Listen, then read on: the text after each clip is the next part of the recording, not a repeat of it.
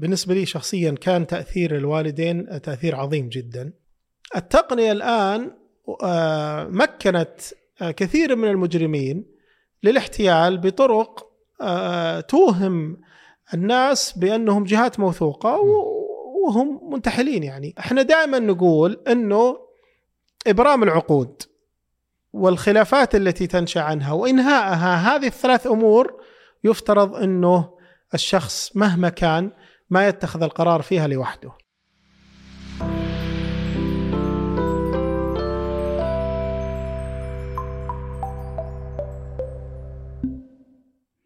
السلام عليكم. حياكم الله في بودكاست ملامح ضيفي في هذا اللقاء المحامي حسان السيف مؤسس شركة احتكام للمحاماة حياك الله إبراهيم. يا هلا وسهلا. الله يحييك ساعة مبارك وشرفتنا الله يبارك بأيامك. يا مرحبا. الله يعطيك العافية.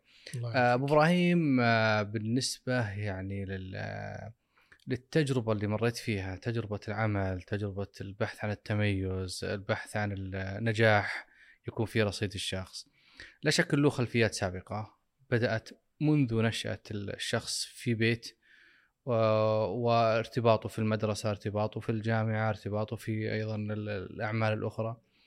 فلو بدينا معك من البدايات يعني. آه، بسم الله الرحمن الرحيم. آه، هو الحقيقة آه، تأثير الأسرة والوالدين وبالذات النموذج القدوة لما يكون ظاهر أمامك من يوم بدأت تعي آه، في هذه الدنيا وتدرك ما حولك. هذا سبحان الله يرسخ معك إلى آخر العمر. آه، فهذا طبعا في حديث الرسول صلى الله عليه وسلم كل مولود يولد على الفطرة. وأعظم تأثير على هذه الفطرة هو عمل الوالدين بالضبط. أبواه يهودانه أو ينصرانه ومجلسانه كما جاء عن الرسول صلى الله عليه وسلم ف اذا كان للوالدين تأثير إيجابي يتمم هذه الفطرة الطيبة وال والغرس الحسن آه هذا بحول الله وقوته يكون آه له ثمار آه عظيمة في آه نفس الإنسان. طبعا الحقيقة آه، بالنسبة لي شخصيا كان تأثير الوالدين تأثير عظيم جدا. آه، تأثير الوالد والوالدة الله يغفر لهم ويرحمهم ويسكنهم جنات النعيم. آمين. كان لهم تأثير عظيم آه لو بدأت أتكلم مثلا عن تأثير الوالدة الله يرحمها الوالدة آه كانت امرأة أمية لا تقرا ولا تكتب لكنها كانت عظيمة في سلوكها آه على الرغم من ما عنده قدرة على القراءة والكتابة تقصد بكلمة مثقفة يعني جميل يعني آه كانت واسعة الاطلاع أي نعم عندها معرفة بكثير من آه، العلوم والمعارف اللي ما يتصور إن الإنسان الأمي اللي ما يقرأ ولا يكتب. يعرفها. آه، مثلا يعني من من الأمور اللي كنت أتعجب كيف والدتي تعرفها تعرف في علم الفرائض. أه. تعرف في قسمة المواريث، في الأنصبة، في آه، الحاجب، في التعصيب. يعني كانت تتكلم معي وتعلمني وتشرح لي، كانت تعرف التاريخ آه، تعرف بعض الأحداث والتواريخ وتسردها لي آه، وكانت يعني بأدواتها البسيطة ومصادرها المحدودة جميل. آه، اللي لديها من من وسائل الإعلام اللي هي بسيطة في ذاك لكن الوقت. بالمقابل كان الوالد ما شاء الله متعلم يعني بالضبط. أيضا من مصادرها الوالد رحمه الله أنه كان طالب علم كان بالنسبة لها أحد المصادر التي تتعلم منها. ف يعني هذه أحد أحد مصادر التأثير اللي كانت م. بالنسبة لي. آه، المعرفة اللي كانت آه، حولي يعني من الوالدة.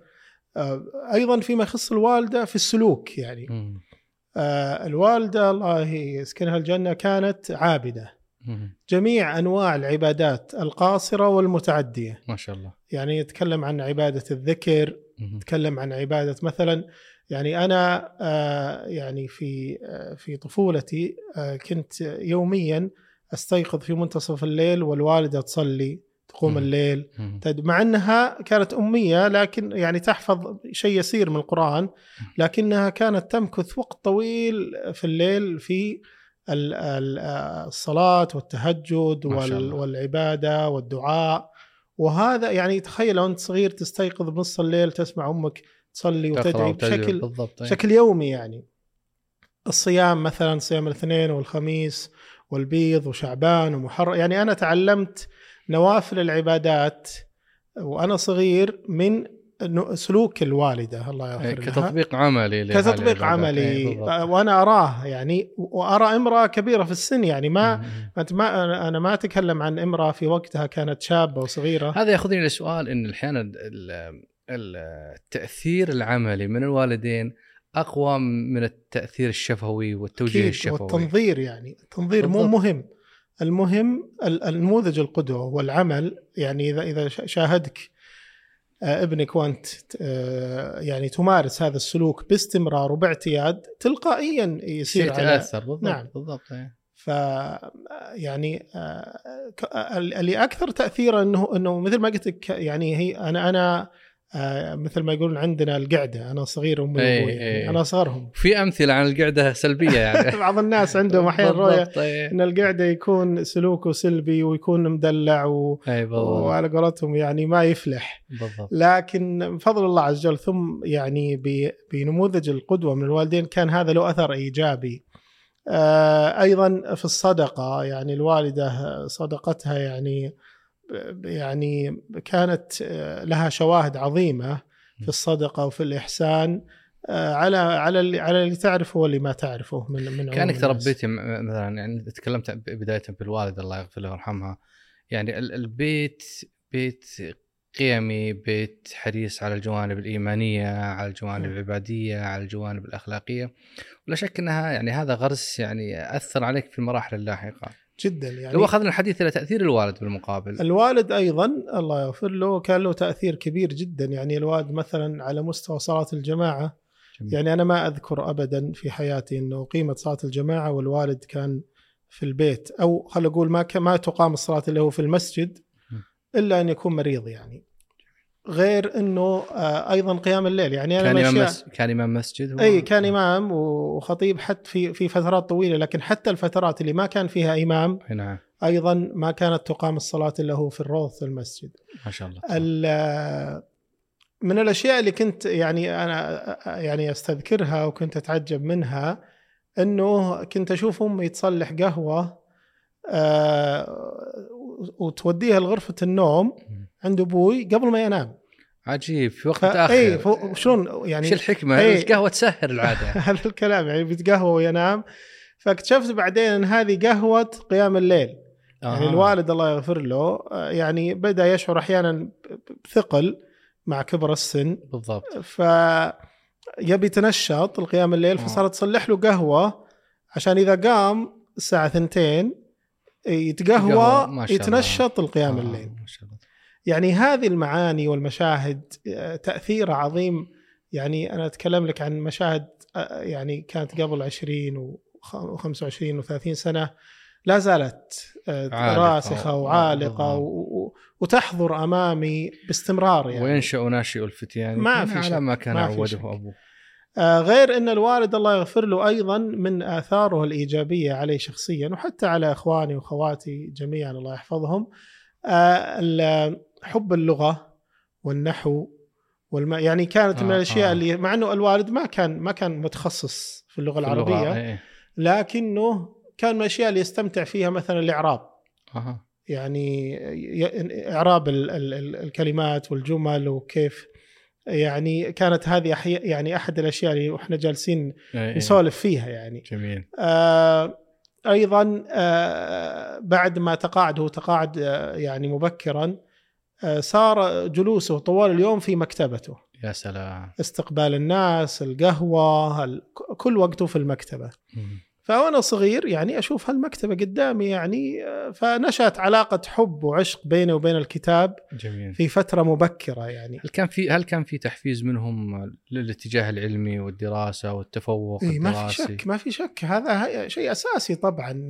هذا يعني المواظبة على الدراسة وال, وال والتميز والنجاح والتميز هذا شيء عادي يعني ما ما, آه. ما, ما جبت شيء جديد يعني إذا صرت آه. صارت درجاتك مرتفعة يعني كان في حرص شديد على هذا الجانب لكن يعني اهتمامه اهتمام الوالد بالعلم والمعرفة ووجود المكتبة أثر علي في القراءة في سن مبكر. أي. يعني أنا مبكر بديت أقرأ ل آه، آه، العلماء أقرأ ابن ابن القيم ابن تيمية المنفلوطي الرافعي آه، قرأت كثير الرحمن السعدي الله يغفر لجميع علماء المسلمين لابن عثيمين آه، تأثرت تأثير كبير بهؤلاء العلماء في فترات مبكرة جدا. بل من من المواقف اللطيفة إنه مرة شفت إعلان عن معرض الكتاب وأنا كنت صغير يعني أنا أتكلم كان في سن رابع ابتدائي وخامس ابتدائي. فما انتظرت إنه أحد يأخذني نعم. للمعرض. أي نعم آه، ركبت مع السواق ورحت معرض الكتاب كان قريب من عندنا لأنه كان في كلية المعلمين إحنا كنا ساكنين بالربوة قريب كان كلية المعلمين في آه، يعني قريبة لنا بالربوة. كان معرض الكتاب يقام بالضبط كان هناك في الكلية بالضبط. فأذكر إنه من المواقف إنه كان في مدرس يدرسنا في نفس المدرسة شافني وانصدم إني جاي مع السواق المعرض الكتابي يعني. أي أي. يعني في نهم للقراءة في جدا. وهل أثرت يعني محبة القراءة والتبحر في كتب؟ أنت تتكلم عن علماء يعني ثقال كمعلومات كمصطلحات علمية أحيانا نعم. في سن مبكرة. كيف الواحد كان يستوعبها؟ والله مو بكل شيء أقراك لكنه أثر كثير في يعني أنا أعتقد إنه هذه من أكثر الأمور اللي أثرت حتى في آه، في ممارستي لمهنة المحاماة بعدين. آه، كان هذه لها أثر إيجابي في آه، الأسلوب في الصياغة في الحبكة. تأثرت كثير قوة اللغة ما في ما في شك إنها مؤثرة في هذا الموضوع نعم. بلا شك. في مراحل التعليم المرحلة الابتدائية والمتوسطة والثانوية. وانت كنت تعد نفسك يعني؟ هل أنت يعني حريص على التميز فيها أم إنه ما كان فيه اهتمام كبير في هال في هالإطار؟ والله أنا كنت مستمتع بس ما كان ما كان ما كنت يعني أسابق على الأول والثاني. ما كنت ما كنت ما كنت دافور يعني. إي يعني ما كنت بهذا المعنى يعني لكني كنت أستمتع وكنت الحمد لله يعني آخذ المستوى اللي جميل. اللي اللي يكفيني واللي اللي يحقق لي الهدف اللي أحتاجه يعني. خلينا نطلع إلى مرحلة الجامعة. يعني أنا بذكر لك من المواقف اللطيفة وهذه من فوائد القراءة إنه أظن هذا كان في خامس ابتدائي. آه، كنت أذاكر آه، مادة آه، أيام امتحانات النهائيه وتعرف أول يوم كانت امتحانات أشد من الحين يعني. ما في نجاح ورسوب دور ثاني تعيد السنة ما كانت الأمور زي ما هي عليه الحين. فمن من المواقف الطريفة اني كنت اذاكر جغرافيا ومتحمس وجاي للمدرسة وأنا أذاكر وأشوف الطلاب مستغربين يعني شو جايب جغرافيا أنت؟ قلت ليش؟ قالوا عندنا اليوم حديث. فاختلطت عليك الأمور ما ما كان في خطأ ما أدري وشو. بين أمرين يعني أدخل اختبار ما أدخل أروح أعتذر أشوف لي حل. قررت إني أدخل والحمد لله مشت وعدت اي ما ما يعني ما ما كان في فرق كبير يعني. يعني أنا أتصور إنه يعني أنت ذكرت آه، يعني إنك القعدة وأحيانا القعدة مثل ما قلت يعني يعطى شيء من الدلع. الظاهر الوالدين كانوا على كبر سن يعني في في, نعم. في ذيك الفترة. لكن واضح إنه أنت أثرت أو خلينا نقول أخذت مشروع للوالد جلس فيه سنوات لكن هذا المشروع لم يتم. فأنت يعني آه، رفعت الراية وقلت أنا لها وانطلقت في هالمشروع. نعم. واظنه كان في مرحلة الجامعة. نعم. اللي هو مشروع الكتاب. إي نعم. هو الحقيقة الوالد الله يغفر له كان مهتم بالتأليف جميل. وكان عنده عدة مشاريع لكن أكبر مشروع تأليف عند الوالد كان آه، يتعلق بجمع تراجم العلماء. في فترة معينة. في خلال القرن الرابع عشر اللي هو العلماء اللي عاشوا ما بين 1300 إلى 1400 في الجزيرة آه. العربية. جميل. آه بدأ في العمل في هذا الكتاب عام تقريبا 1382 هجري. مه. انتهى منه 1384 هجري. آه بس بشير إشارة أنه عمره في ذاك الوقت كان تقريبا 30 سنة. آه تو شباب يعني. إي في الثلاثينات كان. انتهى من الكتاب آه، آه، طبعا أنا أنا بعد ولدت بعد انتهاء الوالد من تأليف الكتاب تقريبا ب 20 سنة. آه ما شاء الله. يعني في يعني وقتها أنا ما ولدت في في فرق آه، بشير إليه بعد شوي يعني وتأثير هذا الأمر يعني. إن الوالد لما خلص الكتاب سافر إلى مصر لأنها كانت هي يعني أفضل مكان ممكن تطبع فيه كتابك في ذاك الوقت. وكان جامع مبلغ يعني يعتبر جيد في ذاك الوقت للطباعة. فسافر وتعاقد مع مطبعة في القاهرة لطباعة الكتاب ولكن للأسف صاحب المطبعة صارت له مشاكل أغلقت آه. المطبعة ثم قيل إنها أممت يعني آه نقلت ملكيتها للحكومة وتعذرت طباعة الكتاب. لكن هذه سبحان الله كانت خيرة للوالد. الوالد كتبه بخط يده. نعم آه. كامل. كم كان عدد صفحات والله اللي بالخط اليد يعني أنا يعني ما ما كان ما كان كبير يعني آه، بالشكل اللي خرج به بعدين بس كان جيد يعني كان كان مشروع كتاب جيد بس مو بكبير مو بضخم يعني. نعم. المهم إنه سبحان الله ما كتب الله إنه يخرج الكتاب ولا كتب الله إنه يعني يخرج بعد ذلك يعني إلا بفترة طويلة جدا يعني. يعني صارت أحداث كثيرة وانشغل ألو... انشغل الوالد آه وتوقف حتى عن الاستمرار في تطوير الكتاب آه وبدأ آه بعد فترة بعد التقاعد ينشط. يعني نعم. بعد بعد آه هذا بعد يعني مشكلته هذه مع المطبعه تقريبا ب 30 سنة. أي نعم. بدأ ينشط.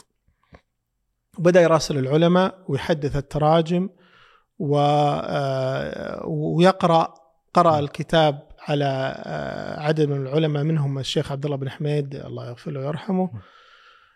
و, و أنا ولدت طبعا بعد بعد بعد ذلك عام تقريبا 1402 آه، في بداية العام. ومع مع يعني في مراهقتي بديت أشاهد الوالد إيه، إيه. وهو يخاطب ويكتب وكنت أساعده في بعض المهام البسيطة في المخاطبات وفي المراسلات لأنه كان يراسل العالم يقول له عندي لك ترجمة قديمة واحتاج منك تحديث أو يراسل أحيانا أولاده إذا كان متوفى ويحدث باستمرار. فلما يعني آه، كبرت شوي وبديت يعني أهتم وأقرأ وأتعلم. كنت أقول للوالد الله يغفر له ليش ما تطلع كتاب؟ يقول أحتاج أبى أزيد أبى أضيف. سبحان الله في 1400 وتقريبا 21 أصيب الوالد بجلطة. الله نعم. يغفر له وبدأ يزيد عليه المرض. ولم يطبع الكتاب في هذا الظروف. ما طبع. أي. آه وكنت أحاول فيه وما استطاع. زاد عليها المرض إلى إنه يعني أصبح تقريبا شبه فاقد للأهلية ولا ولا يعني يحسن إنه يقرأ ولا يكتب ولا شيء. آه، هنا شعرت بالمسؤولية. إنه أنا لازم يكون لي دور في هذا الكتاب. كنت وقتها في الجامعة. كنت طالب في الجامعة وقتها. فبديت أشوف وش جمع ويعني وش انتهى إليه سبحان الله وجدت على مكتب الوالد الكتاب مخطوط بخط يده منتهي منه بشكل كامل ثمان مجلدات. ما شاء الله. يعني آه، يعتبر آه، يعني موسوعة. ما في شك. ويحتاج إلى عمل ضخم وأنا طالب يعني ما ما عندي القدرة أني أتعامل مع مثل هذا المخطوط. لكن آه، تذكرت أنه كان أحد أساتذتي في الثانوي اسمه الدكتور محمد الفالح الله يجزاه عنا خير الجزاء مهتم بالتراجم مهتم بالمخطوطات. والدكتور محمد يعني من الناس اللي كان لهم أثر عظيم علي في حياتي الشخصية. وكان أيضا من من أيضا يعمل في مخطوطات تفسير ابن كثير وأظن عنده مشروع قارب على الانتهاء في إخراج التفسير. المهم إني أنا يعني بلغته. فاهتم جدا بالموضوع وقال لازم نشتغل عليه. وفعلا اشتغلت أنا والدكتور محمد على اخراج الكتاب. وتعاقدنا مع دار العاصمة لإخراج الكتاب لأنها كانت هي مهتمة ب هل واجهتكم صعوبة في قراءة بعض الجمل والكلمات؟ إيه أكيد ولا كان الخط أكيد. آه، في صعوبة لكن الحقيقة كان في فريق شكل فريق علمي من دار العاصمة للتحقيق والتوثيق وضبط الكتاب. وكان الدكتور محمد الله يوفقه يراجع الكتاب معي. وأيضا آه، راجع معنا الشاعر سامي رشود كثير من القصائد لأنه كان في قصائد كثيرة في الكتاب. آه، تحتاج مراجعة وضبط. هل كانت القصائد نبطية ولا كانت فصحى؟ لا غالبها فصحى يعني إيه. كانت. الجميل إن الله يسر بعد بعد ذلك إخراج الكتاب في حياة الوالد لكنه الله يغفر له وقتها ما ما كان, كان, كان يعني ما كان يدرك. الله يغفر له. فصدر الكتاب ولا الحمد؟ ولك ولك أجرها. أرجو أن الله, يكتب لنا فيها الأجر آه. لكن كان كانت تجربة عظيمة لها أثر هذا كبير. اللي كان هذا اللي كنت ودي أوقف عنده الآن إن في الجامعة طالب الجامعة آه، لا الإدراك لا المستوى الموسوعي والمعرفي يتعامل مع هذه النوعية من نعم. التراجم والتفاصيل العلمية الموجودة فيها. والتحقق من يعني من من دقتها أحيانا أو من ضبطها بطريقة أو بأخرى.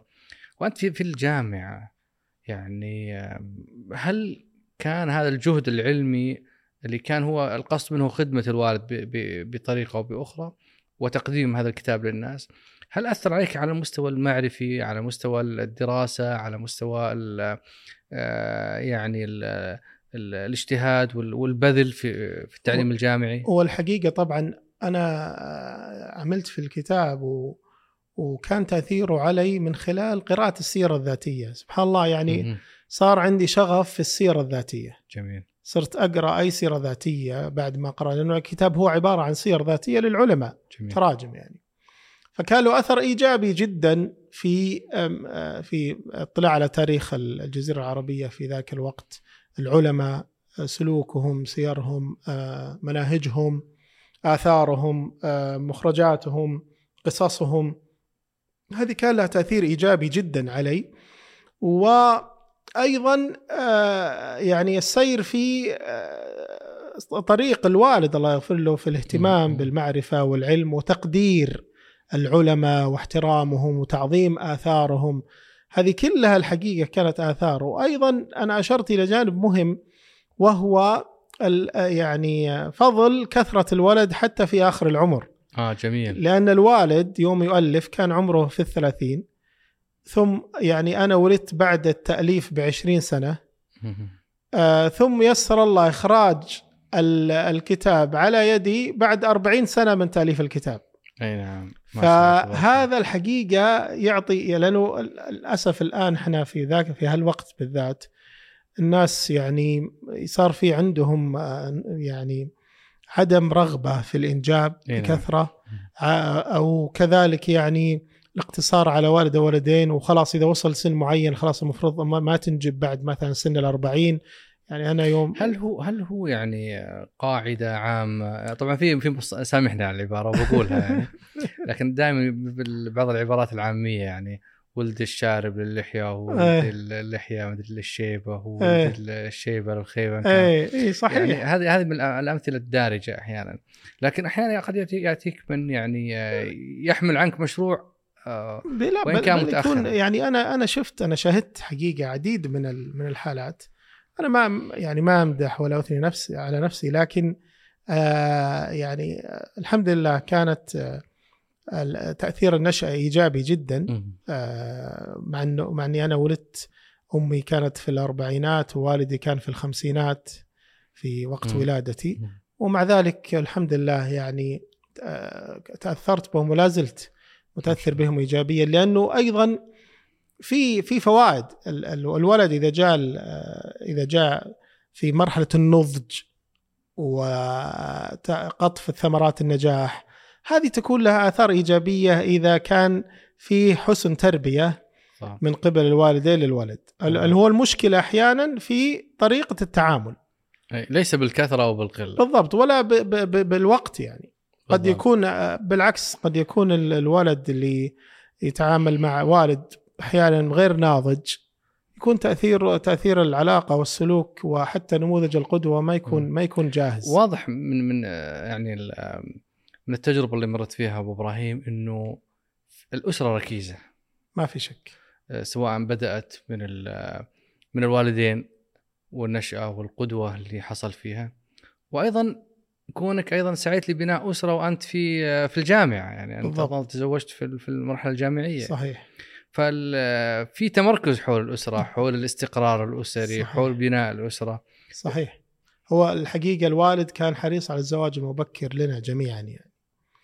وهذا كان تأثيره إيجابي جدا بالنسبة لي. تزوجت في بداية الجامعة وأنجبت في بداية الجامعة. ما شاء الله. آه وأنا عندي آه بعد التجربة عندي فلسفة في الزواج المبكر. آه إنه الزواج المبكر سواء نجح وهذا هو إن شاء الله المؤمل أو حتى لا قدر الله فشل فهو خير من الزواج المتأخر.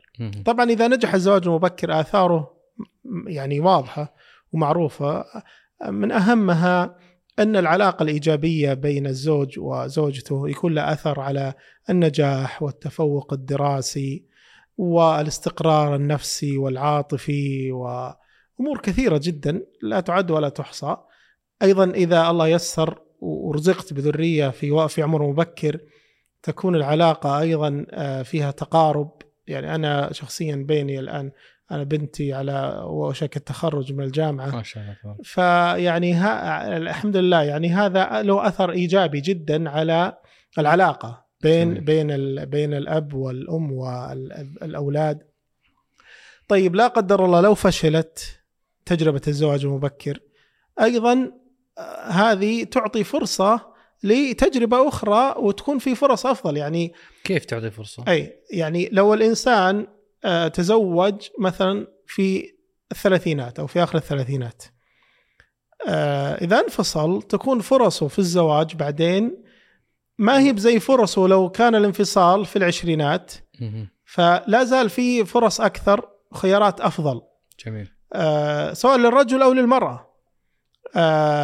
عنده فرص للنجاح في في أمور أخرى يعني في العمل في الدراسة في تجربة جديدة في الزواج آه بينما تجربة الزواج المتأخر قد تكون لها آثار سلبية يصعب تجاوزها لأنه حتى الدراسات أثبتت أنه بناء علاقات جديدة في السن المبكر أسهل من بناء علاقات جديدة في سن متأخر. أي نعم. فالإنسان في سن العشرين آه، ممكن يبني علاقات جديدة سواء علاقة زواج أو علاقة صداقة أو آه، انتقال إلى عمل جديد أو بداية مشروع أو دراسة في العشرينات بسهولة.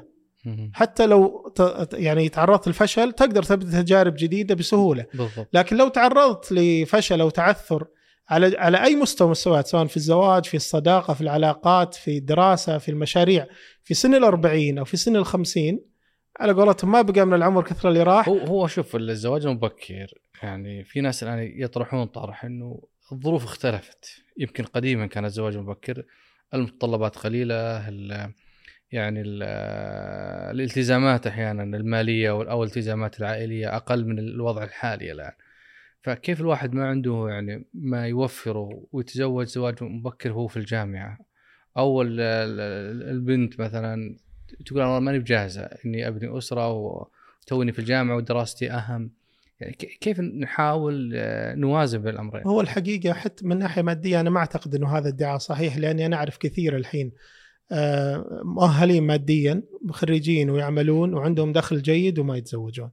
فهذه يعني الحجة ما هي ما هي بحجة حقيقية بالعكس أول يعني آه، انت تتزوج امرأة غالبا ما تعمل نعم. ما عنده مصدر دخل. الآن الشباب والبنات يعملون فكلهم عندهم مصادر دخل غالبا. أنا أتكلم عن الجامعة زوج مبكر في الجامعة يعني. حتى في مرحلة الجامعة في فرص للعمل.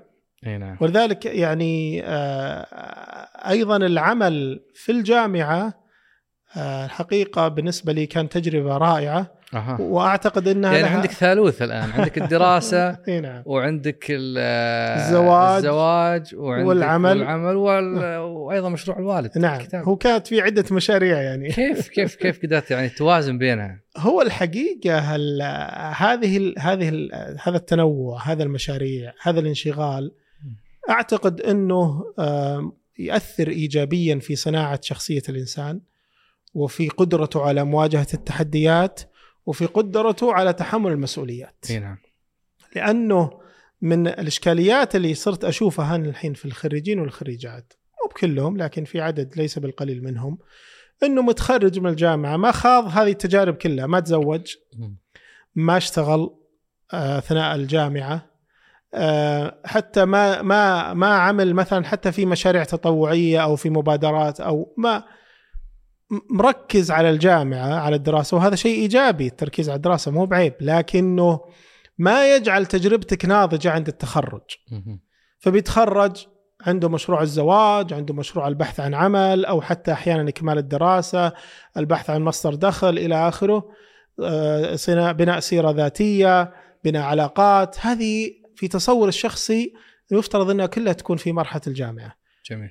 يفترض في مرحلة الجامعة أنك آه، بدأت في مشاريع إما تطوع أو وظيفة أو عمل حر أو اكتساب مهارات أيا كان. هذه الأعمال تساعدك على اكتساب خبرات متنوعة في مراحل مبكرة تساعدك على بناء أو صناعة علاقات آه، تفتح لك أبواب تجعلك تختبر قدراتك. جميل. فأنت لما لما تعمل أثناء الجامعة أو حتى في الثانوي في مرحلة الثانوي بالمناسبة إني أنا أنا سبرت عديد من من أحوال الناجحين وجدت إنه كثير منهم بينهم شيء مشترك وهو العمل في فترة مبكرة. كثير جميل. من التجار كثير من الناجحين وجدتهم عملوا قبل الجامعة وأثناء الجامعة. جميل. فتجعلك تختبر مهاراتك. هل أنت تصلح للأعمال النظرية؟ الميدانية المكتبية العلوم التطبيقية. تكسبك مهارات الاتصال مهارات الاتصال والتواصل مع الناس لأنه من أكثر التحديات اللي نواجهها الآن في الخريجين ضعف مهارات الاتصال. وأنا بذكر لك قصة طريفة يعني من من قصص التي تتعلق بضعف مهارات الاتصال عند بعض الخريجين والخريجات. في واحدة تخرجت من الجامعة وعملت في إحدى الجهات عملت في شركة في شركة نعم. شركة صغيرة آه، وفي عدد موظفين وتقريبا يملكها شخص واحد فتعمل براتب ولكن الراتب ما كان مرضي لها بحكم إنها خريجة وقليله خبرة وطبيعي دائما البدايات تكون الرواتب نعم. متدنية فحاولت عدة مرات مع آه، الرجل إنه يزيد الراتب ما استجاب لها. فأرسلت له رسالة قالت له في الرسالة إني أنا حاولت معك عدة مرات وطلبت منك زيادة الراتب ورفضت زيادة راتبي. وإذا لم تزد راتبي في الشهر القادم فسأسلط عليك سهام الليل. آه. يعني هذه فعلا بعيدة. عليك. بعيدة عن أجواء كيف تكون الترقيات والزيادات وعن بيئه العمل. تصلي بالليل وتدعي عليه لين يزيد راتبها. آه. وهذا نموذج الحقيقة. آه، يعني مين فاهم بيئة العمل أصلا؟ يعني فكيف يعني كيف يعني تقول هو سأدعو هو عليك لأنك ما زدتني أو ما رقيتني. يعني هذه هو الحقيقة آه، ضعف ضعف التجربه في التواصل. أنك تجد مثلا الابن أو البنت محيطه ضيق يعني فقط يمكن بيته وأسرته والجامعة. بالضبط. فما ما يعني حتى أسرته قد تجامله يعني الجامعة احتكاكه محدود كانك تقول إن العمل يجعلك يعني يضبط علاقتك ويعطيك الوعي في التعامل مع الرئيس، بالضبط. التعاون مع المرؤوس، مع فريق العمل نعم. بطريقة أو بأخرى. الأخطاء لما ترتكبها أنت في آه، في مرحلة الجامعة تتداركها بعدين، تتعلم من أخطائك في ما بعد الجامعة، لكن إذا ما خضت التجارب لن تخطئ وبالتالي لن تتعلم. وأنا أعرف حالات كثيرة يعني آه، وظيفتهم أو أعمالهم الفترة المسائية في الجامعة كانت من أهم أسباب توظيفهم ما بعد الجامعة يعني بالضبط. يعني وسهلت لهم الطريق. طيب بعد المرحله الجامعية هل اتجهت للوظيفة أو أخذت مسار التعليم؟ طبعا أنا كملت في الماجستير مع دعاية القضاء آه، كملت في يعني حقيقه يعني حصلت لي عدة فرص وظيفية. أنا بعد ما آه، تخرجت قدمت على عدة جهات ومن ضمنها الدراسه العليا. طبعا من من من المزايا الحقيقة اللي كانت في ذاك الوقت ولا أدري هل هي موجودة إلى الآن إنه لما كنا طلاب في الشريعة كان عندنا فرصة إننا نتقدم لدراسة الماجستير قبل ما نتخرج إيه. في آخر فصل دراسي تقدم على الماجستير وتقدم أوراقك وتجرى لك المقابلة الشخصية وتخرج آه، النتائج آه، تقريبا آه، في آخر أيام الفصل الدراسي فهي تبين لك يعني في عندك فرصة للدراسة ولا لا. ومع ذلك قدمت على عدة جهات. يعني آه، يعني جتني وظائف الحقيقة في أكثر من جهة. لكنك فضلت إنك لكني فضلت الدراسة لأني مصر. كنت أشعر برغبة ونهم للدراسة. جميل. آه، ما كان ما كان ما كانت رغبتي في الوظيفة بعد البكالوريوس مباشرة. يعني بعد حصولك على البكالوريوس ماجستير يعني انخرطت في مجال العمل. أي نعم. واقبلت على مجال المحاماة فيما بعد. نعم. يعني يعني الشريعة أنا أعرف إنه في مجال للتعليم في مجالات أخرى صحيح. مثلا خريج الشريعة عنده مسارات العمل في التعليم في التحقيق في القضاء في كتابات العدل وفي المحاماة. آه، أنا الحقيقة يعني آه، يعني مررت بعدة تجارب لكن يعني آه، تجربة المحاماة التي يعني خضت فيها أو أخذت مني القسم الأكبر من تجربتي كان لها أثر كبير علي و كانت موازية لتجربتين المحاماة والتدريب والتحكيم. كانت جميل. هذه ثلاث مسارات هي الحقيقة تخدم بعضها البعض لكنها كل مسار يعتبر طيب خلينا خلينا ناخذ خطوة خطوة. بعد التخرج من الماجستير آه، ذهبت يعني آه، لعدد من المهام وفي النهاية آه، استقر وضعك على موضوع المحاماة, المحاماة. هل بدأت كمكتب مستقل هل مجال وظيفي أنا أعرف بعض بعض المتخرجين يعني يتجه إنه بفتح لي مكتب الآن وأستقل في مكتبي. هل الأولى هو التوظيف أو الوظيفة أم إنه يكون عنده بزنسه الخاص أو خلينا نقول مكتبه الخاص؟ والحقيقة المحامي دائما عنده طموح إنه يكون عنده مكتبه الخاص وإنه مستقل. ولكن الحقيقة أنا لا لا أنصح ابدا بأنه تكون بداية المحامي من تأسيس مكتب مستقل. والسبب؟ أسباب كثيرة من أهمها أنه المحامي أصلا يحصل على ترخيص بعد سنتين من التخرج وفق النظام الأخير بعد البكالوريوس سنتين من التدريب تستحق بعدها ترخيص المحاماة في في في ذاك الوقت غالبا يكون عمرك إذا كانت دراستك منتظمة 24 سنة في ظني أنه سن 24 سنة ليس الإنسان مكتمل التجربة ليستطيع إنه يأسس مكتبه الخاص. لأن المكتب فيه جوانب إدارية، جوانب جداً. مالية، جوانب أنا علمتني التجربة في المحاماة أن آه، إدارة مكتب المحاماة أصعب من المحاماة نفسها. عجيب. لأن الإدارة فيها جوانب كثيرة وعلوم مختلفة أنت ما تعلمته. لا في الشريعة ولا في القانون. بالضبط. مثلا التسويق أنت تفتح مكتب تحتاج إلى تسويق. بالضبط. إذا ما كنت تملك ابجديات التسويق ستواجه تحديات كبيرة في تسويق مكتب المحاماة. إدارة الموارد البشرية إدارة, إدارة الموارد البشرية الأمور المالية. اداره الاداره المالية التعامل مع العملاء تنظيم المكتب الداخلي هذه تحديات كبيرة. جزء منها فيها جوانب نظرية تحتاج تتعلمها. أحيانا قد تحتاج تاخذ دورات تستعين متخصصين.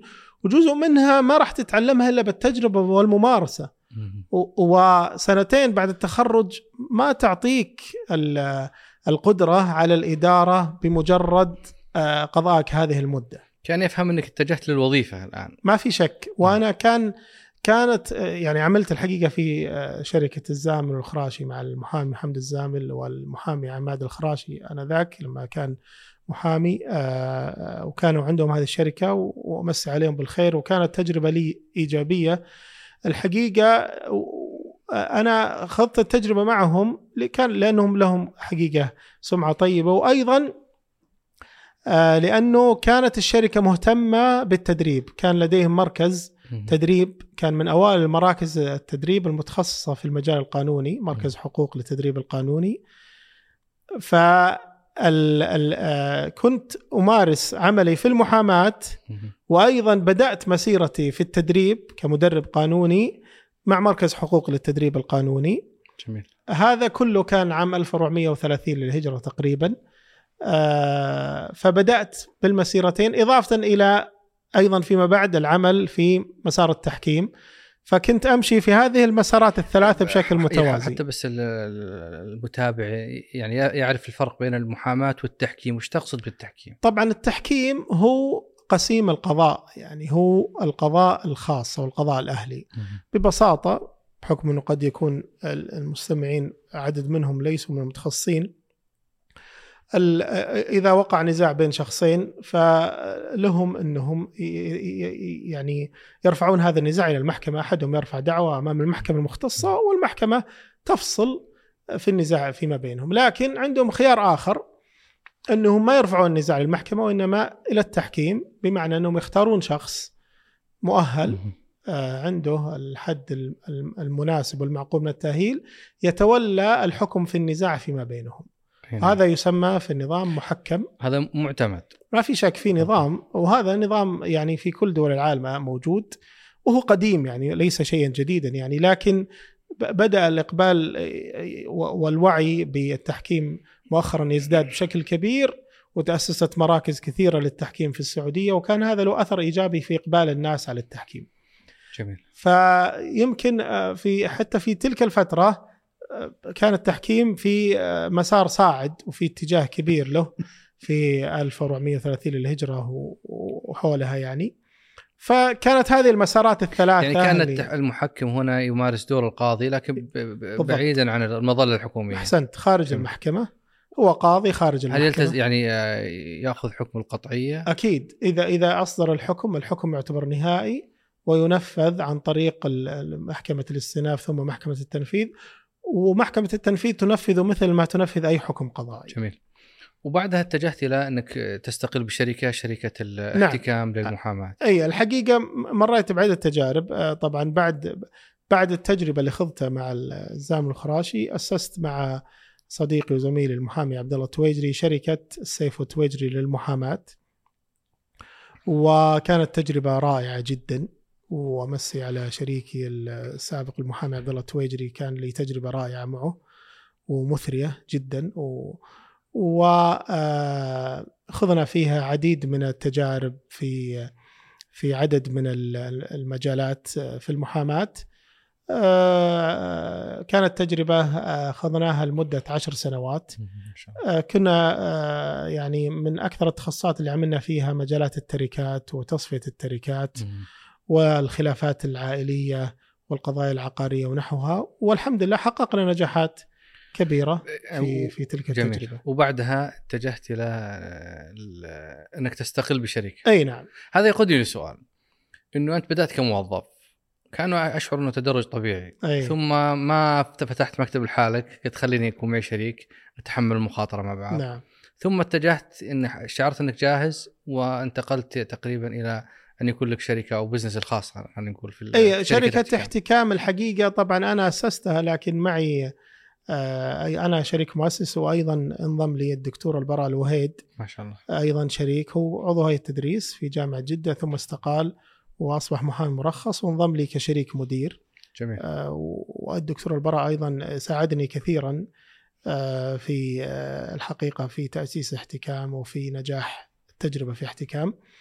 لكن فعلا أنا خضت ال ال الوظائف بمختلف أنواعها.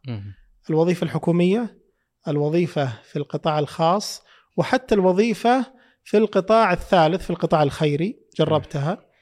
وجربت العمل الحر أيضا في أكثر من تجربة. آه، ف يعني هذا التنوع آه، كان له الحقيقة أثر إيجابي حتى في الاستشارات القانونية. فأنت لما تقدم استشارة قانونية وأنت آه، جربت إنك تكون آه، صاحب آه، وعارف هذا القطاع. اي بالضبط. مررت بتجارب تجارب فيها نجاحات فيها تعثرات فيها فشل فيها اخفاقات فيها كل ما يمر به الشخص الطبيعي. جميل. هذه تأثر حتى في الاستشارة اللي تقدمها وفي الرأي القانوني في التقييم للنزاعات اللي تعرض عليك حتى وأنت محكم في معرفة أسباب النزاعات وظروفها وكيفية حلها والتفاوض فيها. أيضا من التجارب الجميلة اللي خضتها تجارب الوساطة والصلح. أنا وسيط ومصلح معتمد مع عدد من الجهات منها مركز الامتياز التجاري التابع لهيئة الوساطة المشاعر. بين الشركات.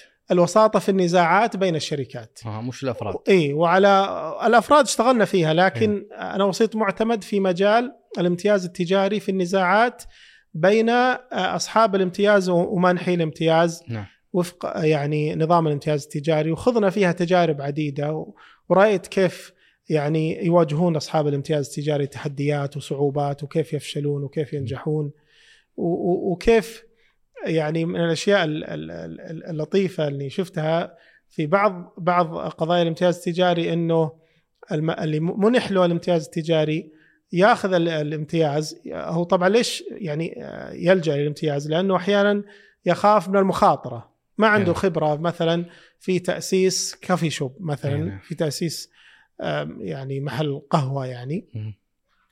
ويروح ياخذ آه، علامة تجارية ياخذ الامتياز حقها ويستفيد منهم آه، في تجربتهم في خبرتهم في إدارتهم في. تقديم للمنتجات.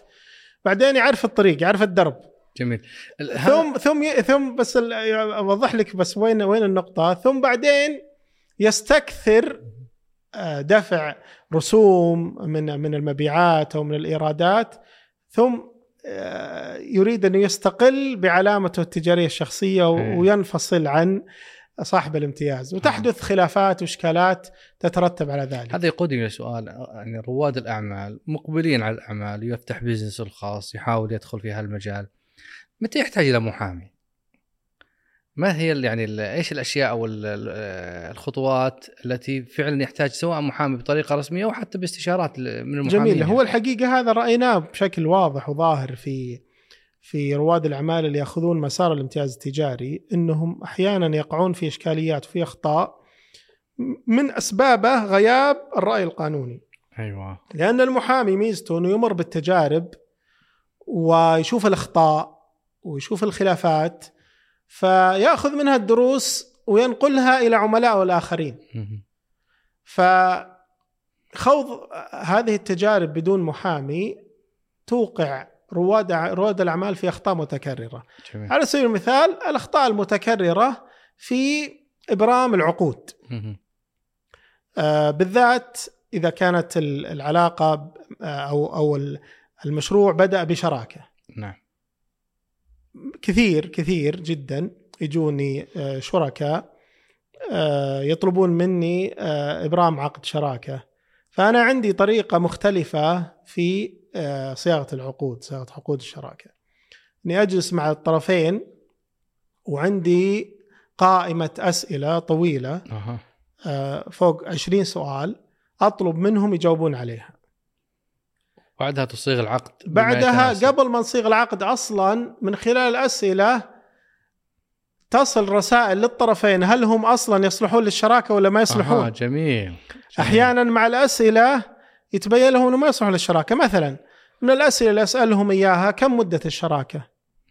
إي والله ما فكرنا هي مو هو مو بزواج ما له مدة إي نعم ولذلك أنا أسمي يعني الشراكة الزواج التجاري مع الفروق يعني بالضبط. فبعض الناس ياخذ تجربة الزواج كاملة. ما ما في مدة. لا الزواج هو ما في مدة لكن الشراكة لازم مدة. والله طيب وش رأيك؟ خمس سنوات. يقول لك لا وين خمس؟ يعني بتروح تخليني أنت بعد خمس سنوات؟ اي اختلف أنا بقعد. لا وبعدين تصير في نقاشات. الحقيقة هذه نقاشات صحية. ليش؟ لأنها إذا جرت في البدايات. بالضبط. تحميهم من الخسائر. صحيح. اللي ممكن تصير بعدين. مثلا كم رأس المال؟ يقول والله ما حطينا رأس مال محدد. طيب كيف كيف يعني كيف أنت تبدأ شراكة وأنت ما تدري كم ال- التكاليف المتوقعة وكيف بتدبر أنت آه، رأس المال اللي بيغطي هالتكاليف؟ جميل. طيب من اللي بيتولى الإدارة؟ والله كلنا. كيف كلكم؟ ما في؟ كلنا. أي ما. ينفع. لازم واحد قدر مدير. الشراكة ما يفوح يقولون. بالضبط. فبالتالي هذه الأسئلة إذا أنت استعنت بعد الله في آه، صياغة العقد عقد الشراكة بمتخصص يفتح لك آفاق ويقد يعطيك أسئلة ويخليك تشوف زوايا كثيرة في العلاقة بينك وبين شريكك. تبني الشراكة على أساس سليم. جميل. قوي. أما إذا كانت الشراكة بدون عايمة ما هي ما لها حدود غير. واضحة. و... ومستقبله مو معروف. وين نبي نصل؟ وش هدفنا؟ آه، أنا كنت أشبه أحيانا الشراكة أقول مثل آه، رحلة الطائرة. مهم.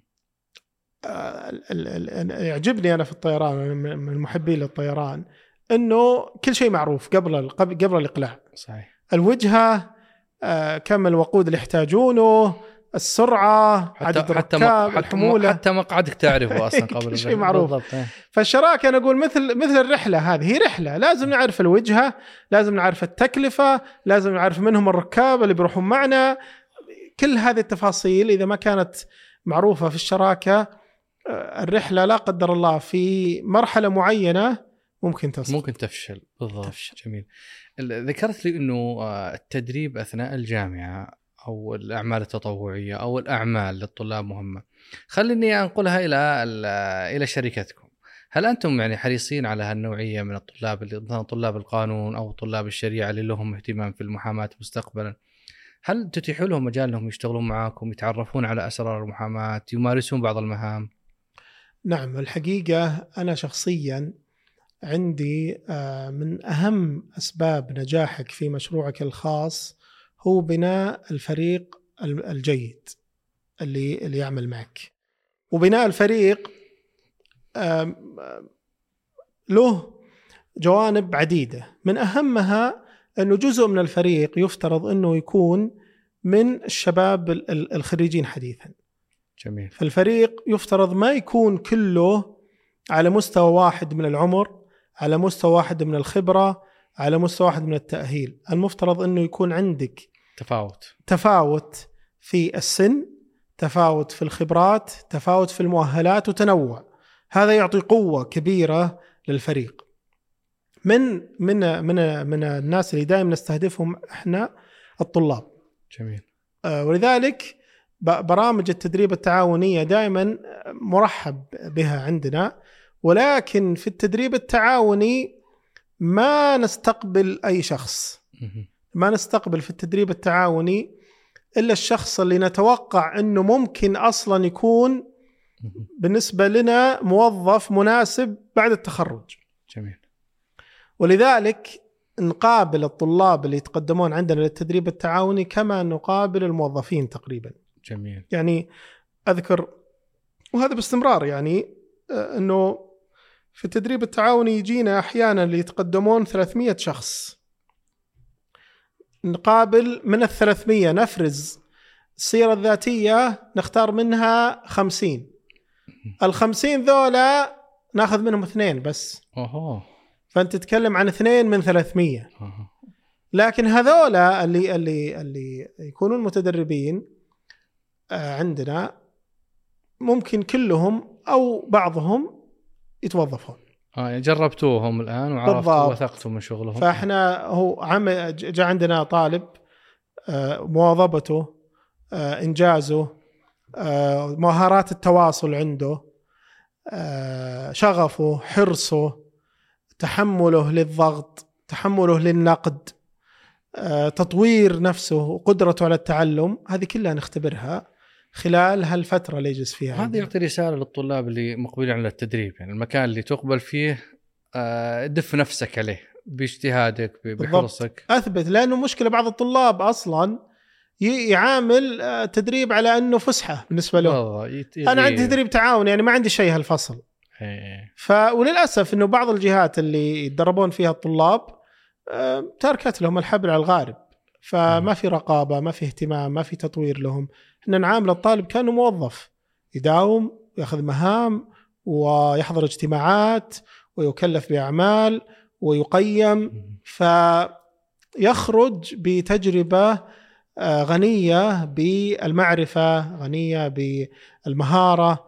وحتى لو ما عمل عندنا آه، إذا راح يعمل في جهات ثانية يجد فرص آه، كبيرة. غير غير الطالب اللي ما تدرب عند جهة فعلا يكون فيها تدريب حقيقي. مع انشغالك في المحاماة وكثير من القضايا اللي أنتم تقومون عليها في يعني عن طريق شركتكم وعن طريق علاقاتك أيضا. هل وجدت الوقت للتدريب؟ أنت محب للتدريب من يعني لك دورات من منذ القدم يعني من حوالي يمكن أكثر من 15 سنة وحولها. هل لا زال عندك الوقت للتدريب؟ والله هو التدريب أصبح جزء ما يتجزأ من آه، متعتي ومن احتياجي لأن لأن لأن التدريب يصنعني أنا قبل ما يصنع الناس اللي أقدم لهم المعرفة. جميل. فأنا إذا أردت إني أتقن مهارة آه، أعمل على أني أدرب الناس لها، فإذا م. عملت على تدريب الناس لهذه المهارة تتطور عندي المهارة أنا أحيانا أكثر مما تتطور عند بعض الناس اللي يحضرون عندي. جميل. فلذلك في التدريب الحقيقة آه، وجدت آه، كثير من الفوائد غير موضوع البناء المعرفي أيضا آه، بناء العلاقات مع الناس وفتح آفاق مختلفة في مجالات ما كانت ممكن تفتح ولا أدخلها ولا أتعرف عليها لولا الله ثم إنه تيسر لي التدريب. آه، أيضا التدريب ميزته يدخلك جو التعليم وهو يعني أعظم مكان ممكن أعظم مهنة يمارسها الإنسان. هو بالضبط هي مهارة. مهارة ومهنة شريفة وعظيمة هي المهنة اللي آه، يعني مهنة الرسل مهنة الأنبياء آه، عليهم الصلاة والسلام. وتخرجك من جو النزاعات أيضا من جو آه، المحاماة اللي أحيانا يكون مليء بالنزاعات والصراعات وتعرف تأثير الصراعات السلبي على الإنسان وعلى حتى على مزاجه يعني. بالضبط. بينما التدريب أجواء إيجابية فيها معرفة فيها تعليم فيها استكشاف حتى إدارة القاعة التدريبية هذه بالنسبة لي آه، متعة. حتى في التدريب أحيانا آه، يعني ممكن تجيك معلومات جديدة عليك أصلا. ناس متخصصين في مجال غير التخصص اللي نعم. أنت فيه. فتثري المعرفة حتى عند المدرب. جدا. والحقيقة أنا دربت في دورات كان الحضور فيها 20 و30 وفي دورات حضروا عندي 1500 شخص. فتخيل إنك أنت تدير الحوار مع 1500 شخص أو مع 100 أو مع 200 أو مع 600 شخص. آه، أنا في التدريب ما أحب طريقة الإلقاء المنفرد. لا لازم الإلقاء في نقاش في مداخلات في مشاركة في مشاركة في أسئلة. آه، يجوك ناس يعترضون عليك يطرحوا لك تجارب آه، مختلفة تماما عن الفكر اللي طرحته. فهذه تشكل تحدي بالنسبة لك في النقاش في أحيانا تتحول الدورة إلى مناظرة. جميل. مع شخص يتبنى رأي معاكس للرأي اللي انت تطرحه وهذه كلها من الرياضات الذهنية اللي تصنعك جميل. ذهنيا وتص... وتؤثر عليك ايجابيا في مهاراتك في معرفتك في سلوكك بالضبط. في التواصل مع الناس يعني الإنسان مهما كان خبير في مجال سواء كان في محاماة ولا في غيرها لابد يكون عنده حيز من الوقت يكون للتدريب وإعادة التنشيط المعرفي بالضبط. وأنا وأنا غير إني أت... يعني أدرب أتدرب. يعني حضرت العديد من الدورات سواء في مجالات القانون ومجالات تخصصي أو حتى في مجالات داعمة لي في في التدريب. تدريب المدربين مهارات الإلقاء اعداد الحقيبة التدريبية في التسويق في الإدارة. حتى بعض الدورات أنا حضرت دورات أنا ألقيها. يعني أنا مثلا ألقي دوره صياغة العقود حضرت دورات عند مدربين يلقون في صياغة العقود. تريد أن تعرف يعني جوانب أخرى أشوف إيش اللي عندهم ما هو عندي أستفيد منهم بالضبط. يعني. وأيضا أستفيد من مهاراتهم في التدريب في ورش العمل في التمارين اللي يقدمونه. جميل. هذه كانت كلها يعني انعكست ايجابيا علي في جميل. ممارسة للتدريب ذكرت إن مهتم كثيرا في موضوع المواريث وتصفيات التركات ونسمع عن حالات كثيرة آه، يعني مع الأسف إنه صار هناك شقاق في الأسرة ومشاكل بسبب أحيانا عدم التصرف الحسن في هذا الموضوع. صحيح. يعني وش يعني من خلال تجربتك في هالموضوع كيف الإنسان يحمي هذه الأسرة من أي يعني مشاكل مستقبلية بسبب تصفية التركات؟ وانهاء هذا هذا الملف يعني. والله شوف النزاعات اللي تصير في التركات لها أسباب كثيرة جدا.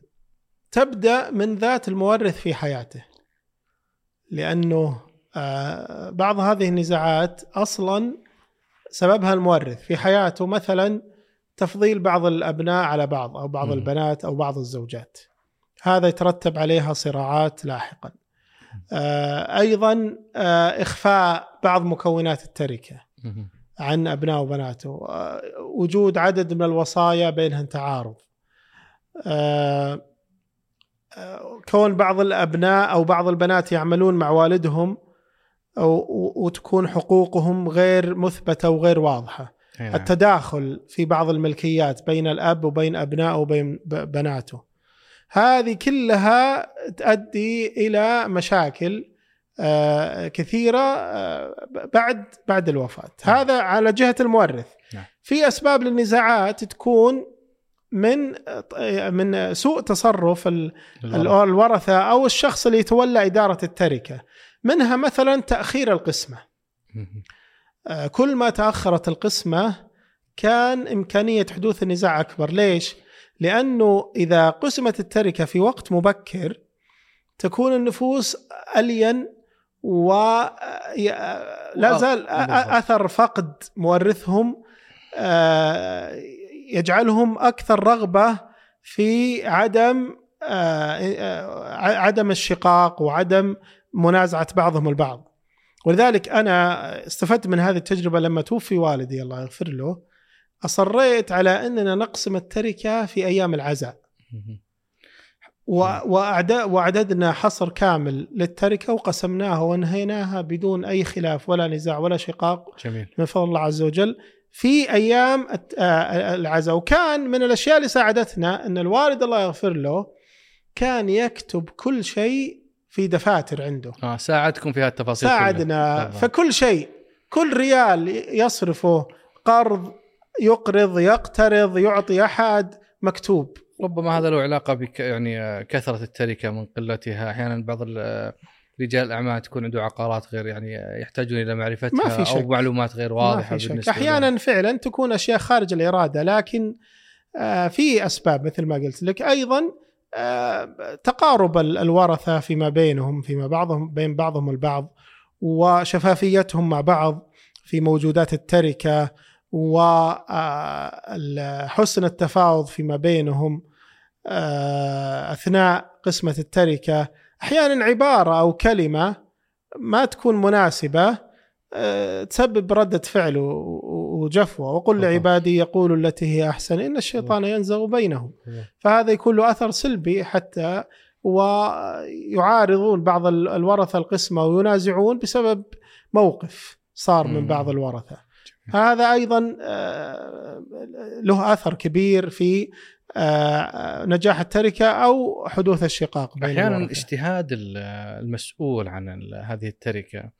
في صرف بعض الأشياء أو في التصرف أو في كذا لأنه والله والدي يرغب فيها أيه أو إنه صحيح. يعني هل مرت عليك حالات آه، وكيف قدرتوا أو قدروا إنهم يتجاوزونها؟ اذا تجاوزوها طبعا. هو هو هذه المشكلة اللي تنشأ من وهذه من الأسباب هو الجهل أو ضعف الوعي بطريقه القسمة والحقوق المترتبة عليها. ولذلك جاء القرآن فيه نصوص قوية جدا. إن الذين يأكلون أموال اليتامى ظلما إنما يأكلون في بطونهم نارا وسيصلون سعيرا وآيات واحاديث كثيرة في هذا الجانب. أنا أذكر من من بعض القصص إنه واحد من من الورثة آه، كان يسولف لي عن والده كان متوفى قريب في ذاك الوقت. الله يغفر له ويغفر الموتى موتى المسلمين وقال أنا قررت إن إنه ناخذ المال اللي تركه الوالد ونشتري بلك أرض واحدة ونبني فلل للاخوان الأخوات جنب بعض في مجمع واحد. قلت له هذا ممتاز جميل. هل يعني هذا الأمر باتفاق إخوانك وأخواتك والورثة كلهم؟ قال لا. طيب شلون بتسوي؟ قال هذه رغبة الوالد الله يرحمه. إيه، إيه. وأنا أنا أبغى بر بالوالد لازم أسوي رغبته. قلت له لا لا أنت ولا والدك الله يغفر له يملك السلطة في هذا الأمر لأنه خلاص آه ال ال هذا حق للورثة. اي هذا حق للورثة ولازم الورثة كلهم إما تقسم وفق وفق القسمة الشرعية أو يتراضون على هذا الأمر. هذا فضلا عن إنه أحيانا بعضهم يعني يكون عندهم رواسب من الجاهلية التي تمنع النساء من من من الميراث. لذلك من اللطائف إنه قسمة المواريث جاءت في السورة اللي سميت سورة النساء. سميت سورة النساء ولعل هذا والله أعلم إنه إنه إشارة إلى حق المرأة في التركة. جميل. مثل ما للرجل حق للرجال نصيب مما ترك الوالدان والأقربون النساء نصيب مما ترك الوالدان والأقربون مما قل منه وكثر نصيب مفروضا. ف آه هذه أيضا من رواسب الجاهلية عند بعض الناس اللي يمنعون المرأة من حقوقها بطريقة أو بأخرى ومن القصص الحقيقة اللي ما أنساها إنه مرة اتصلت بامرأة تحكي لي قصة آه تركتهم وقالت لي إنه آه، كان والدهم فقير العالمين بوصفها بعباراتها ما أنساها تقول كنا نظنه فقير العالمين. تقول آه لما توفي والدي ما كنا نأمل إنه عنده شيء. وجانا آه عمي قال لي إنه أبوكم ما ترك شيء يسوى.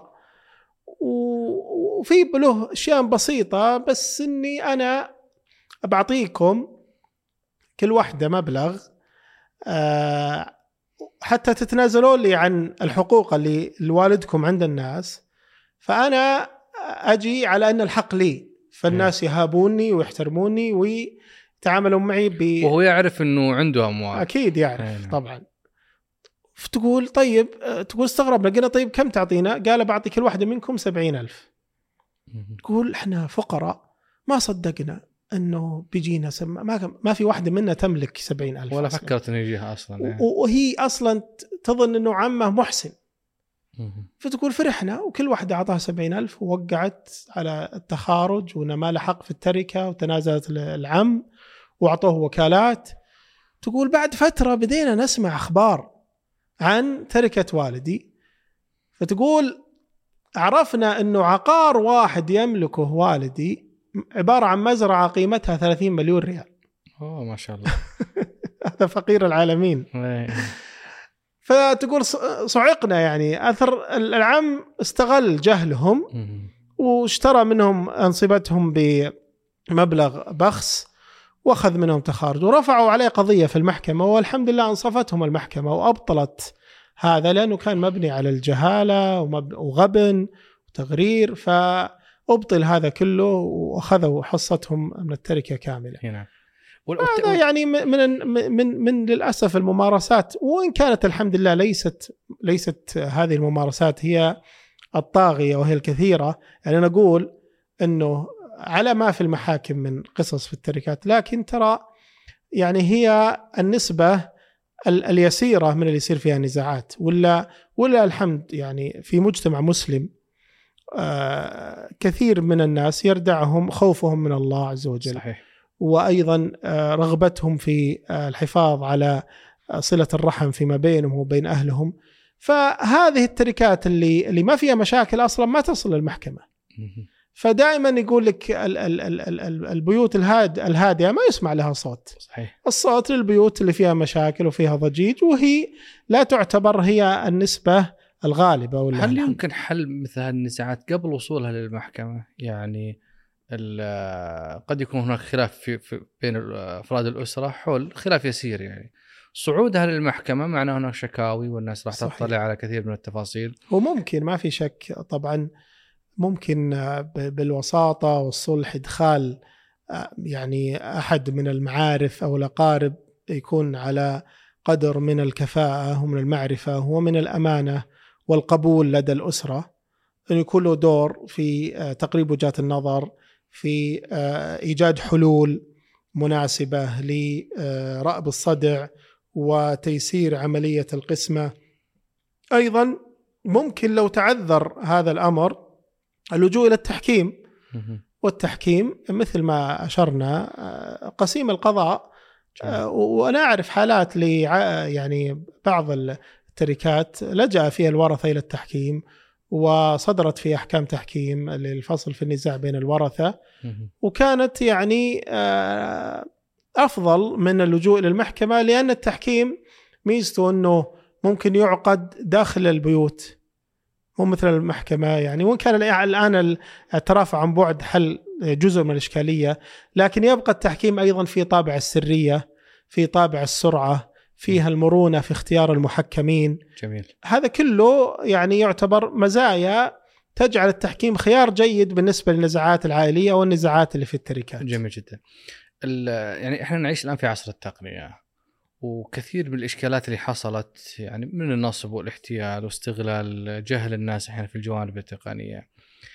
كيف الإنسان يحمي نفسه يعني من, من, من هذه الجوانب ويستخدم خلينا نقول المعرفة القانونية آه، حتى لا يتعرض لكثير من الحالات اللي نسمع عنها. هو الحقيقة آه، مجالات الاستثمارات ومجالات التعاملات المالية فيها عنصر مهم يغفل عنه كثير من الناس وهو عنصر الثقة والتجربة. جميل. دائما أنا أقول إنه آه، التجربة مهمة تجربتك أنت أو تجربة من سبقك. والثقة تحقق من إنك أنت تتعامل مع جهة موثوقة خاصة لما تتعامل بمبالغ مرتفعة. نعم.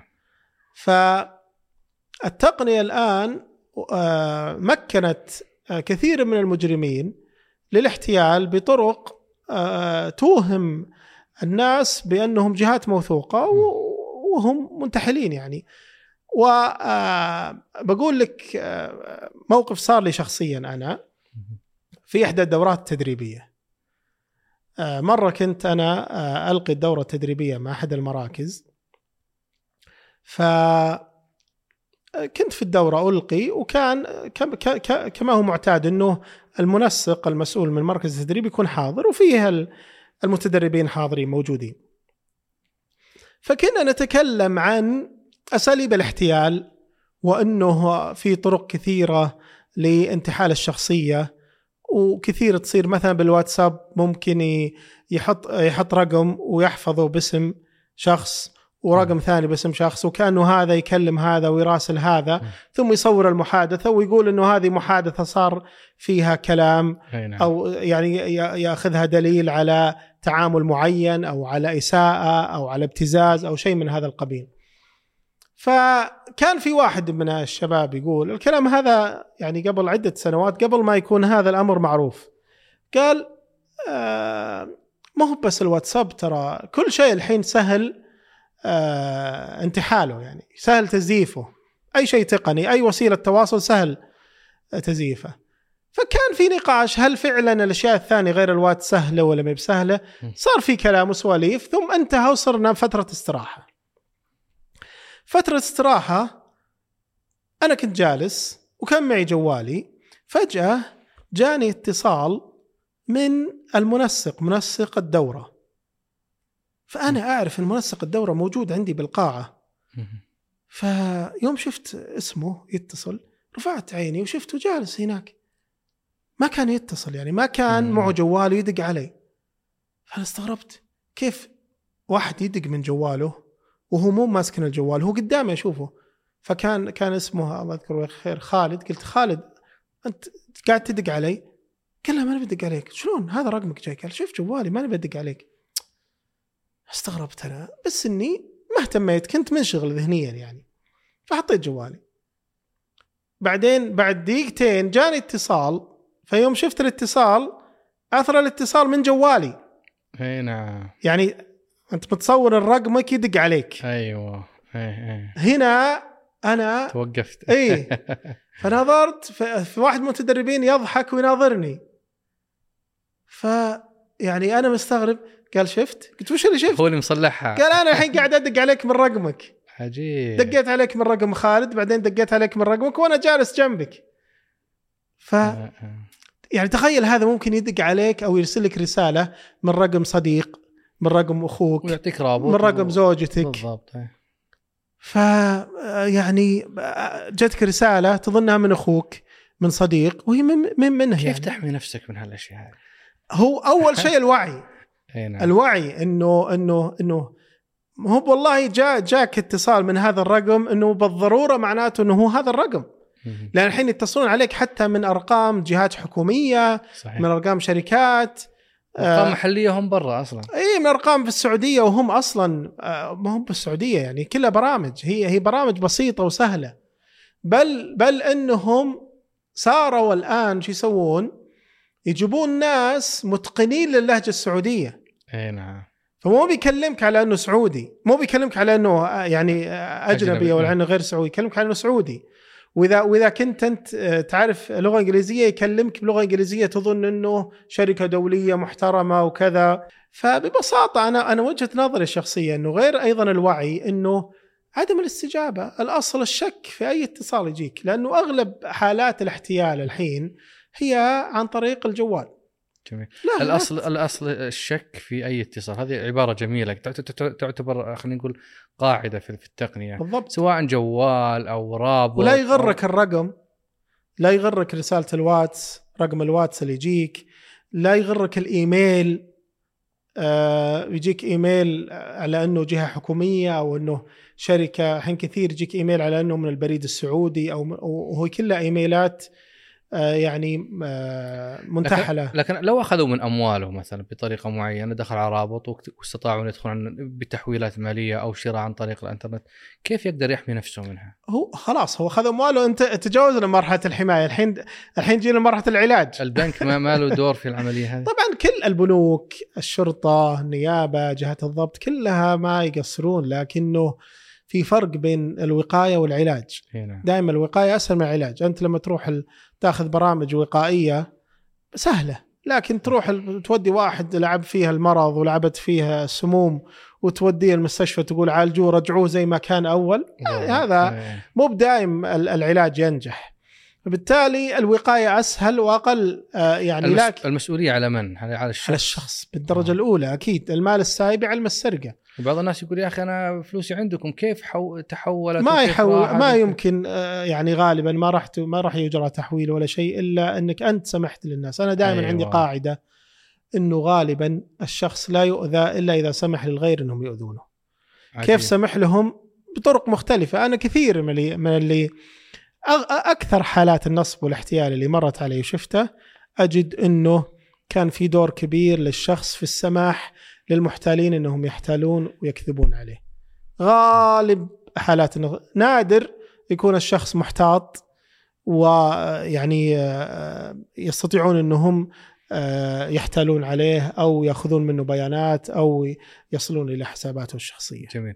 وفي المجالات الاستثمارية الأخرى أحيانا قد يحصل الإنسان نصب معين في توقيع عقد معين أو في تفويض معين، هل مرت عليك من الحالات هذه اللي ممكن إنه من ذكرها قد يستفيد المستمع؟ هو يعني حالات كثيرة حقيقة ما يسعى المقام ذكرها، لكن خل أقول لك مثلا من الحالات اللي مرت علي شخصيا إنه مر علي آه اثنين شركاء بينهم خلاف آه على على مبلغ في العقد مبلغ العقد.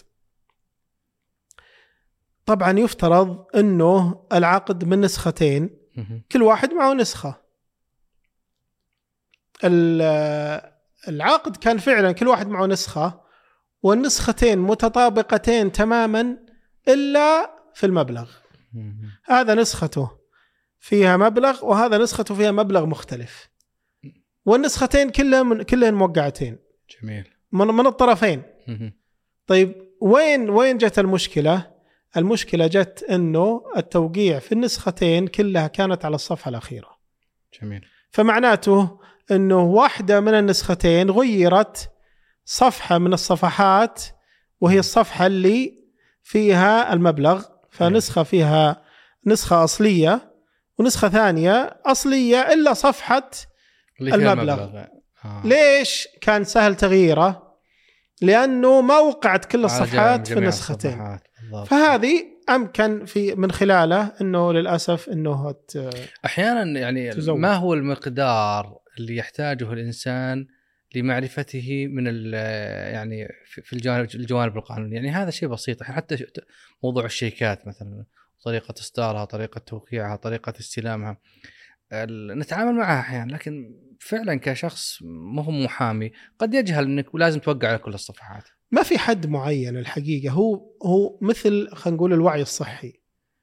الوعي الصحي في حد يحتاجونه كل الناس لكنه في ممارسات تحتاج معرفة للشخص بحسب نمط حياته.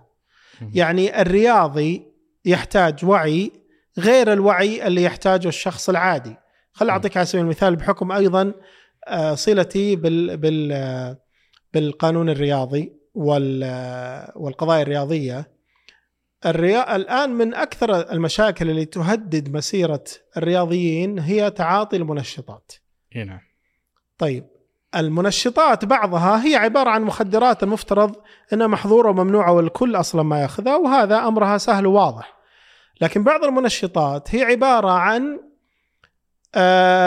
مكونات تدخل ضمن بعض الأدوية. أي نعم. فالمفترض الرياضي عنده وعي بالأدوية اللي ما محظور عليه إنه يأخذها إذا كان يمارس الرياضة إلا وفق إجراءات معينة. بالضبط فبعض الرياضيين يأخذ هالعلاجات ثم يمارس الرياضة ثم يخضع لفحص المنشطات ثم يتهم توجه له تهمة تعاطي المنشطات وقد يوقف سنوات طويلة وتنتهي مسيرته الرياضية. اذا هذا فيها جانب طبي وجانب قانوني ما يحتاجه الشخص اللي ما يمارس الرياضة. بالضبط.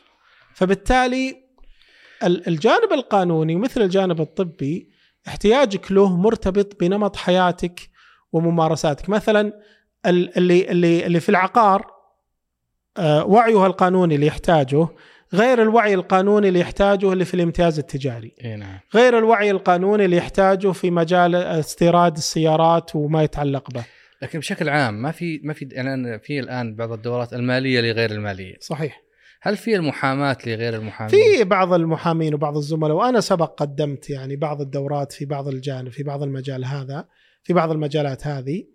ولكن آه تبقى المعرفة القانونية بالذات لرجل الأعمال أو سيدة الأعمال هو احتياج متجدد. ليش؟ لأن الأنظمة متجددة ومتغيرة. بالضبط. المجالات اللي يخوضها رجل الأعمال مختلفة ما هي مجال واحد. لكن مثل ما تفضلت في بعض الأشياء أساسيات مثل تعامله بالشيك تعامله بالسند لأمر الحسابات البنكية الحوالات إبرام العقود توقيعها.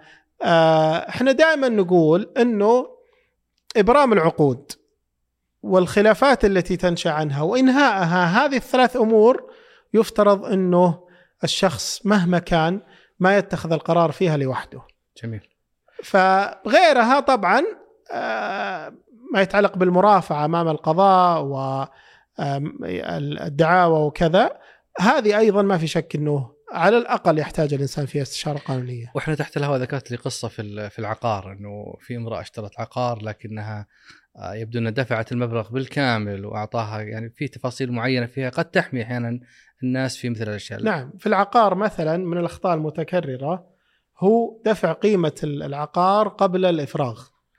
هذا خطأ متكرر يصير للأسف عند بعض الناس لأنهم آه بعض الناس بالذات اللي تجربة العقار ما هي ما هي هو مو مستثمر عقاري. هو بيشتري بيت العمر بيشتري مرة أو مرتين. فما يدرك إنه هذا أمر آه، بالنسبة له قد يعني استعانة محامي قد يكلفك مبلغ لكنه ولا شيء يعني آه، من تكلفة شراء بيت العمر.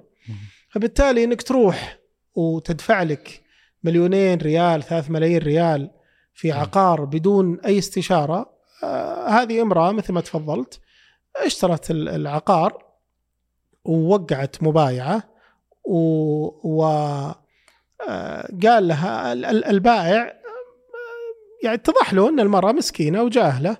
فقال لها خلاص أنا بعطيك الصك وبعطيك وكالة وكلي أعطيني شخص أوكله يسوي لك نقل الملكية. وأنا مستعجل أبغى تحولي المبلغ وبس وراها البيت واعجبها واقتنعت فيه وكل شيء. ففعلا آه، دفعت المبلغ أعطاهم وكالة وأعطاهم الصك. لما جو عند نقل الملكية تبين إنه العقار آه، بيع آه، قبل البيع عليهم بفترة قصيرة جدا. فالرجل للأسف هذا باع العقار مرتين. الصك معهم نعم لكنه الصك قبل نقل الملكية. طبعا كان في إجراء بسيط جدا ممكن تسوي المراه إنها تستفسر عن الصك من موقع وزارة العدل، وزارة العدل يعني حقيقة آه، سوت أمور كثيرة لتسهيل حماية الناس من عمليات النصب واحتيال، لكن أحيانا جهل واحيانا تكاسل. إي نعم. إنك تدخل تدخل على موقع وزارة العدل وتستفسر عن الصك. هل هو فعلا ساري المفعول وغير موقف وممكن نقل ملكيته هذا أي شخص يقدر خلال ثواني يتعرف لكن مسكينة ما كان عندها المعرفة ما استشارت. إيش صار عليها عقب؟ خلنا والله ما أعرف إيش صار عليها بعدين يعني أكيد إنها بترفع الدعوة وينصفها القضاء إن شاء الله لكن حتى تصل إلى حقها بعد دخلت هذه في دوامة. واحيانا أو وقت في يكفيك الصدمة اللي تعرضت لها بسبب هذا هالموقف اللي حصل. جميل. كان يفهم منك إن الإنسان يكون حذر في التعاملات المالية. ويقدم ال- ال- البحث والتفاصيل سواء من مواقع رسمية أو عن طريق استشارات قانونيه قبل ما أنه شك. ما ولا هو بعيب ولا هو بخطأ خاصة لما تتعامل بمبالغ تشكل لك آه آه على قولتهم آه تحويشه العمر. فبالتالي هالأموال هذه أنت قضيت فيها سنين حتى تجمعها. حرام إنك تنفقها فقط مجرد اجتماع مع شخص. ما تعرفه ما تثق به أو اتصال يجيك أو قرار تتخذه. في ظرف ساعات أو في وقت قصير بالضبط. وبعدين تندم عليه سنوات طويلة. خليني أختصر هالتجربة أبو إبراهيم آه يعني كشخص يريد أن يعني يدخل في مجال المحاماة ويكون له اسم يعني مثلكم ما شاء الله في هذا المجال ال- ما هي عوامل النجاح حتى يكون إنسان متميز في هذا في هذا المجال مجال المحاماة والله العوامل كثيرة جدا. في ظني إنها قبل كل شيء هو تقوى الله عز وجل والتوكل عليه.